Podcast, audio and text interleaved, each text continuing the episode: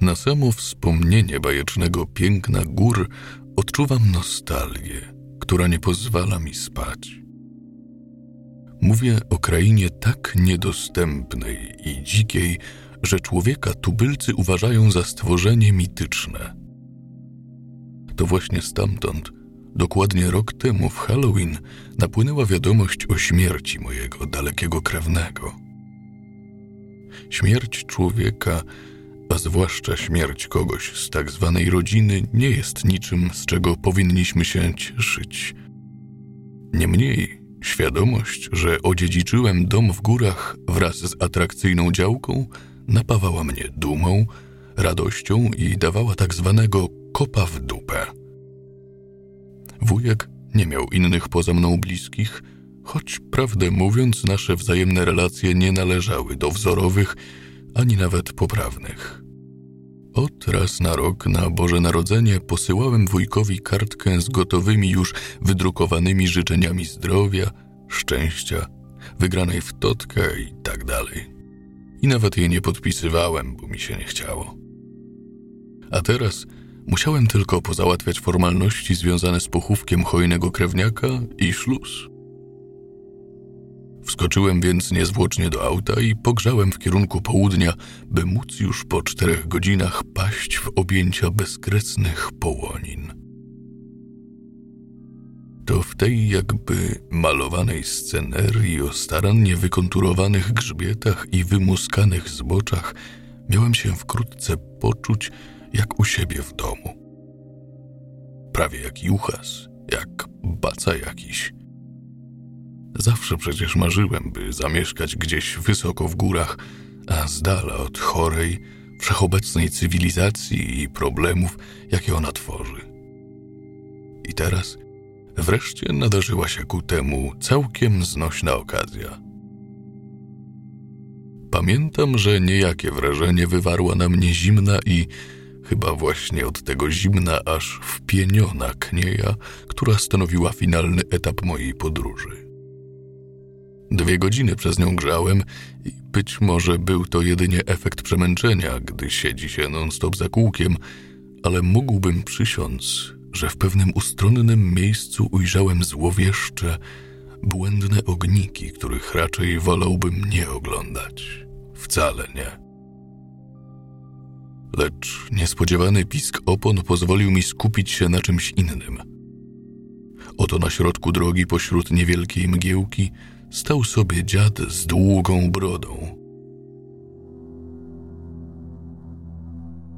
Mój pojazd znajdował się tuż przed nim, a spod kół kłębił się siwy dym.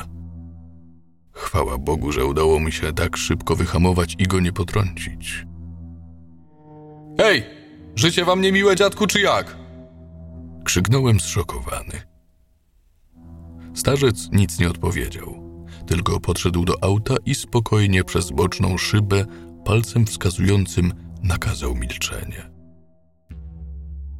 Wyglądał nie tyle na niewystraszonego, co raczej skupionego i zatroskanego do tego stopnia, że aż to jego zasmucenie i zadumanie ubrało się w słowa i do mnie przemówiło. Tam się dziwne rzeczy dzieją. Zawróć, póki jeszcze możesz. Chciałem coś odpowiedzieć, ale nim się obejrzałem, to już go nie było. A wraz z nim znikła także lokalna, mała mgiełka, pośród której cały czas brodził i w którą ostatecznie wsiąkł. A przepadł równie nagle, co się pojawił. Oczywiście zignorowałem złowieszcze ostrzeżenia tajemniczego jegomościa, gdyż lubowałem się w tych prostych, męskich decyzjach zaczynających się od słów no, w drogę. Telepiąc się przez gonitwę galopujących myśli oraz różne atawizmy, ścigałem się z nadciągającą nieubłagalnie burzą. Wbrew złym przeczuciom, obeszło się na szczęście bez błądzenia po okolicy i w porę zdążyłem dobić do mety. W dodatku przed zapadnięciem zmroku. Nie znoszę, prawdę mówiąc, takich eskapad i nie mam za grosz szacunku do kierowców lekkomyślnie preferujących nocną jazdę od bezpiecznej dziennej. Dlatego odczułem wyraźną ulgę, gdy znalazłem się u kresu podróży. W końcu mogłem usłyszeć ten charakterystyczny, chrapliwy dźwięk silnika gaszonego po dłuższej niż zwykle pracy. Potem zarejestrowałem już tylko błogą ciszę, która zdała się być aż nazbyt głucha, bym ją mógł usłyszeć. Lecz grzmot pioruna, poprzedzony nagłym porywem wichru, obudził mnie z letargu. To burza, nadciągająca właśnie od strony upiornego lasu, dawała o sobie znać. Postanowiłem, że rozpakuję się jutro z samego rana, a teraz udam się do pobliskiej knajpy na grzane piwo lub grzane wino truskawkowe stasiukowe. Spytałem tylko przypadkowego przechodnia o drogę i pognałem we wskazanym przez niego kierunku. Odniosłem wrażenie, że sioło było całkowicie wymarłe. Ci jego nieliczni mieszkańcy, co się po nocy pałętali, snuli się jak duchy. Dopiero wejście do lokalu, a właściwie tandetnej speluny, częściowo zatarło to moje pierwsze doznanie. Gdy stanąłem w drzwiach, rozmowy natychmiast ucichły, ale tylko na moment, a po chwili zrobiło się tak gwarno i klimatycznie jak przedtem. Usiadłem przy barze, złożyłem zamówienie i zacząłem się rozglądać. Nic, tylko wszędzie takie same poroża, trofea odbytych i uwieńczonych sukcesem polowań i te czerwone od przepicia twarze zmęczonych ludzi, po których już na pierwszy rzut oka było widać, czym się głównie zajmowali. Słowem, taki ambientowy melanż wiejsko-łowiecki. Dostałem w końcu swojego grzańca i dopiero teraz zauważyłem, że dwójka niezbyt sympatycznych i ubranych niechlujnie cwaniaczków mi się przygląda. Zaraz też jeden z drugim poczęli się naradzać i głupkowato do siebie uśmiechać. Jak nic gadają o mnie, pomyślałem. Wziąłem głęboki łyk ciepłego napoju i zamknąłem oczy, a gdy je otworzyłem, ich już nie było. I to dobrze, gdyż nie miałem ochoty być tutaj przez nikogo obserwowany. To ja miałem kaprys, aby, że tak to ujmę, nacieszyć oczy rustykalnością i góralskim folklorem. Oczywiście na jednym piwku się nie skończyło. Tymczasem dwa wspomniane typy spod ciemnej gwiazdy wdarły mi się na posesję i poczęły dobierać się do auta. Nie wiem, na co liczyli – nie miałem tam przecież nic cennego, ale tak czy owak musieli się uwijać szybko, gdyż mogłem wrócić w każdej chwili i ich nakryć. I kiedy tak w pocie czoła pracowali, wnet od strony lasu na krańcu łączki pojawiła się tuż ponad ziemią niewielka mgiełka, która poczęła się zwolna do nich przybliżać a kiedy była już na tyle blisko, by móc objawić im swą niszczycielską moc, nie było dla nich żadnego ratunku. Pojedyncze źdźbła stały się ostre jak brzytwa, a buce pospolite wpadły w obracające się tryby utkane z trawy i przez samą trawę i wystające niejako z podziemi.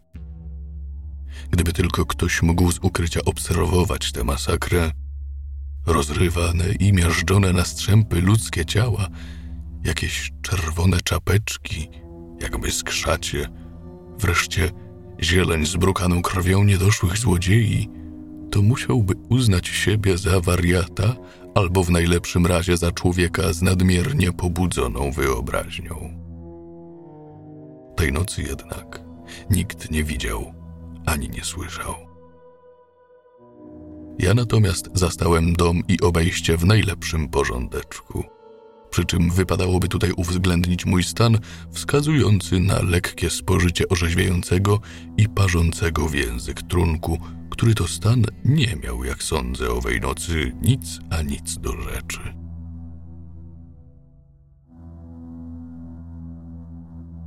Pamiętam, że byłem mile zaskoczony, Kiedy do mnie dotarło wreszcie, że z dnia na dzień stałem się oto posiadaczem chaty i na dodatek tak czystej i schludnie urządzonej. Tymczasem mijały dni. Oszczędzę wam ich opisu i przejdę od razu do wizyty miejscowego proboszcza, która miała miejsce w drugim tygodniu mego pobytu. Tego dnia pastwiłem się nad nabiałem i akurat znajdowałem się w jadalni w towarzystwie Śnieżki, siedmiu kosmitów i ósmego pasażera Nostromo, dokonujących wspólnie gwałtu na ciszy, gdy przez jej opasłe okno zauważyłem wpłynięcie pobożnego gościa w przestwór mej ogrodowej zieleni. Brnął ten ojczulek doprawdy dzielnie, potykając się o kłęby przydomowej trawy – aż nabrałem wielgachnej ochoty, by ją w końcu skosić. I podobnie jak za poprzednim razem, tak i teraz naprzód pojawił się nad ziemią niewielki obłok, który zgęstniał, stężał i następnie rzucił się agresywnie w kierunku księdza dobrodzieja. Ja sobie naiwnie myślałem, że to kroczy za nim jakiś duch albo inny przenajświętszy stróż – a tymczasem pasterz miejscowej owczarni, a mój gość dosłownie aż pozieleniał i zbladł ze strachu, gdy ujrzał, co ujrzał i zajarzył, co się święci. Szalony trawnik z siłą iście diaboliczną zawalił wielebnego na murawę, po czym odwrócił do góry nogami i zaczął go zuchwale wcinać. Nigdy nie zapomnę tego żałosnego widoku. Przerażony swym położeniem pleban, przebierający w powietrzu nogami niczym żuczek leżący na grzbiecie i nie mogący się podnieść. Nie zdążyłem nawet zareagować i poskromić chlorofilowe moce czarcie, to znaczy zlać to cholerne zielsko zimną wodą albo coś w tym guście. I jak za poprzednim razem, tak i teraz wyrafinowana machina strawy dokonała morderstwa połączonego z konsumpcją albo jak kto woli, dokonała konsumpcji jako aktu zbrodni. Na nic się zdały poszukiwania księdza przez miejscowych parafian, przeczesywanie całej wsi i lasu, wizyty śledczych z pobliskiej komendy. Był człowiek, nie ma człowieka. Nie ma ciała, nie ma zbrodni. Amen.